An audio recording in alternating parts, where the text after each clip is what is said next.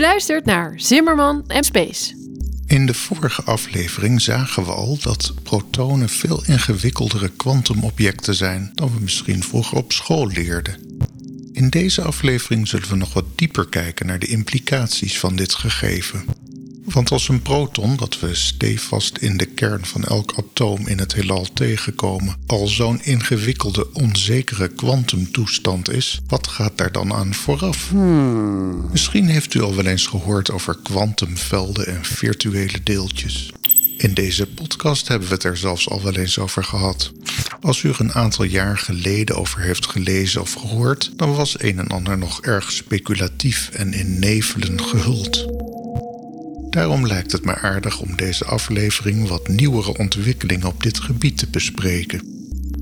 Er is een theorie die zegt dat op het meest basale niveau alleen velden bestaan. Deze kwantumveldentheorie levert wat we een verenigd kader zouden kunnen noemen voor de beschrijving van veldachtige objecten en deeltjesachtige objecten.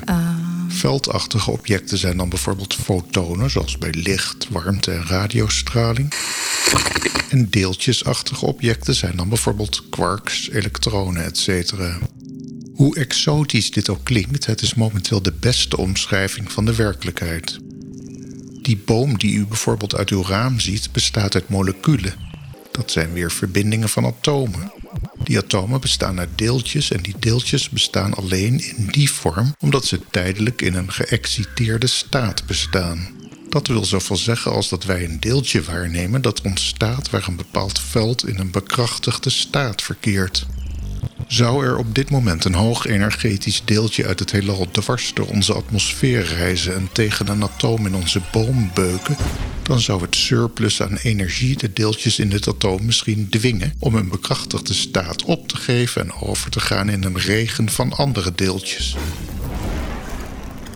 Die een andere staat van het onderliggende veld inhouden en door ons niet meer als boom worden waargenomen. Gelukkig gebeurt dit niet aan de lopende band, want dan zou het leven nog ingewikkelder en onbegrijpelijker zijn dan het al is. Is it possible that they absorb substances in order to transmit them elsewhere? Om ons eerste verhaal goed te begrijpen, zullen we het eerst moeten hebben over een speciaal materiaal: grafeen. Dit bestaat uit een tweedimensionale honingraadstructuur van koolstofatomen. Een honingraadstructuur noemen we ook al hexagonaal.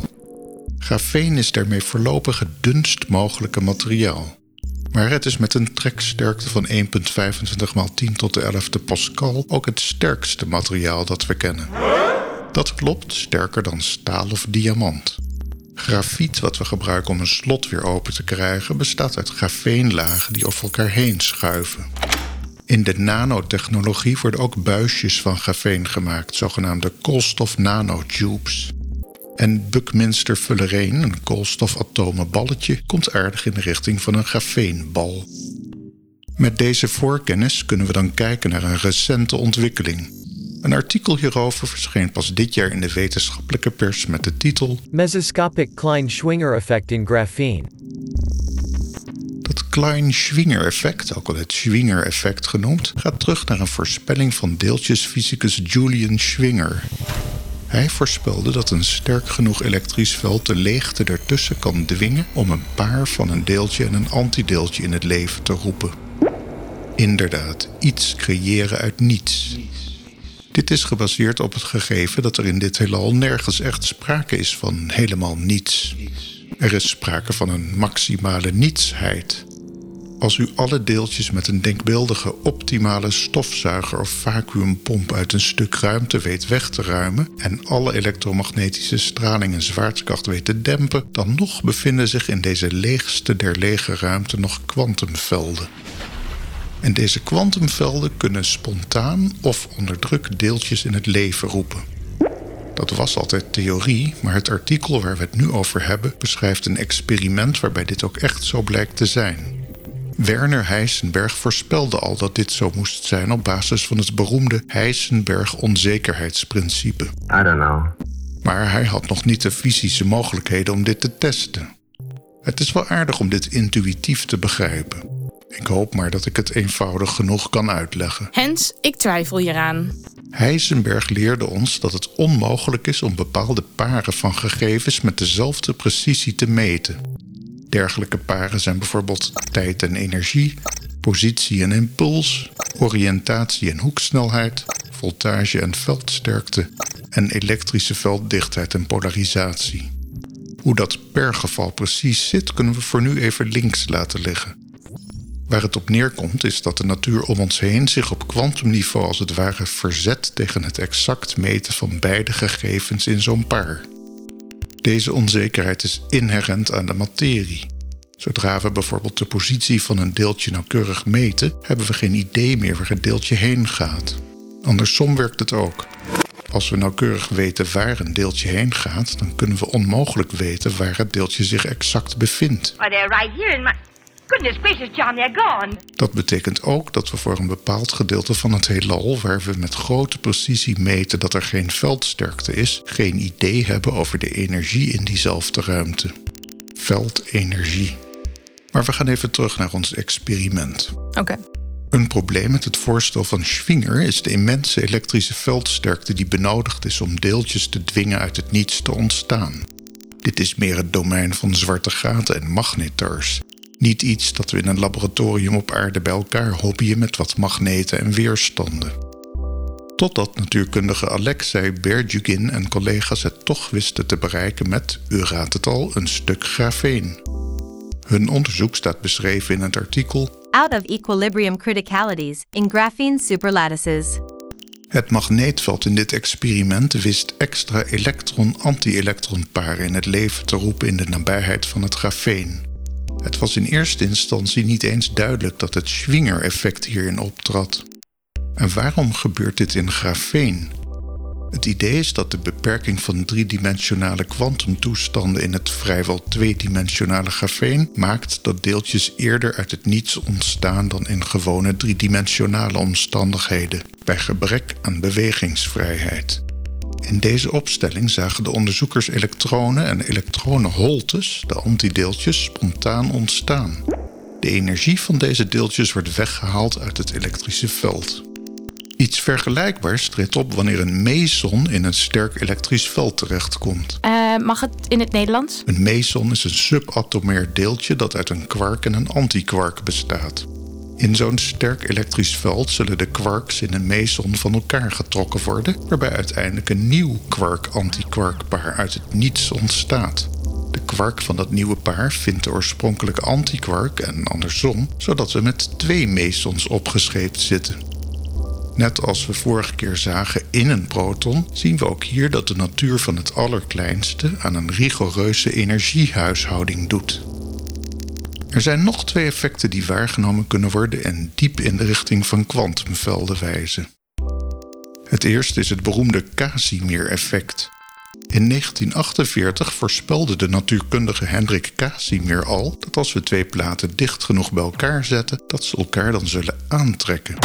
Niet op basis van onderlinge zwaartekracht, maar door iets wat we het Casimir-effect noemen. Als we de lege ruimte zien als een plek waar kwantumvelden bestaan, dan kunnen we aannemen dat hier volgens diezelfde theorie aan de lopende band deeltje-antideeltje paren ontstaan die elkaar ook weer opheffen. Dit gebeurt op verschillende golflengtes. Sommige van deze deeltjesparen zullen een golflengte hebben die groter is dan de afstand tussen de platen. Tussen de beide Casimirplaten ontstaat dan een no-go-zone voor bepaalde deeltjes met een te grote golflengte.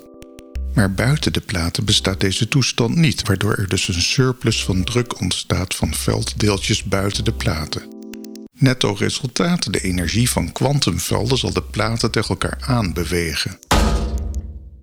In 1997 lukte het natuurkundige Steve Lamoureux en collega's om dit in een laboratoriumopstelling te zien gebeuren. Sindsdien is het Casimir-effect meerdere malen experimenteel aangetoond. En dan is er nog een kosmologisch effect dat eveneens het bestaan van kwantumvelden doet vermoeden. Op een afstand van 450 lichtjaar van de aarde staat een neutronenster, voor ons gezien in het sterrenbeeld Zuiderkroon. Het geval heeft de naam RxJ1856.5-3754. Het is sowieso een bijzonder geval, want er kan geen supernova-rest gevonden worden in de omgeving van dit object. En zoals u wellicht weet ontstaat een neutronenster doorgaans in een supernova-explosie. Het zou kunnen zijn dat RxJ 1856.5-3754 heel erg oud is en er niks meer over is van de supernova. Maar in dat geval zou deze neutronenster meer moeten zijn afgekoeld dan waargenomen wordt. Er wordt wel gesuggereerd dat dit geen neutronenster, maar een quarkster is. Iets waar we het ook al eens over hebben gehad. Kortom, wat een vreemd object. Om het nog gekker te maken is de straling van RxJ 1856.5-3754 ook nog veel sterker gepolariseerd dan verwacht wordt. Astronomen vermoeden dat de lege ruimte rond de neutronenster sterk gemagnetiseerd is. Een effect dat wordt toegeschreven aan de opmerkelijke bevinding dat ook het vacuüm van de lege ruimte gemagnetiseerd kan worden. Dit is dus niet een magneetveld dat door het vacuüm propageert, maar het vacuüm dat zelf als magneet optreedt. Een universum waar geen plek is die we echt leeg kunnen noemen, vergeven van bekende en wellicht nog onbekende kwantumvelden, roept onherroepelijk de vraag op of deze toestand ook al bestond voor de oerknal.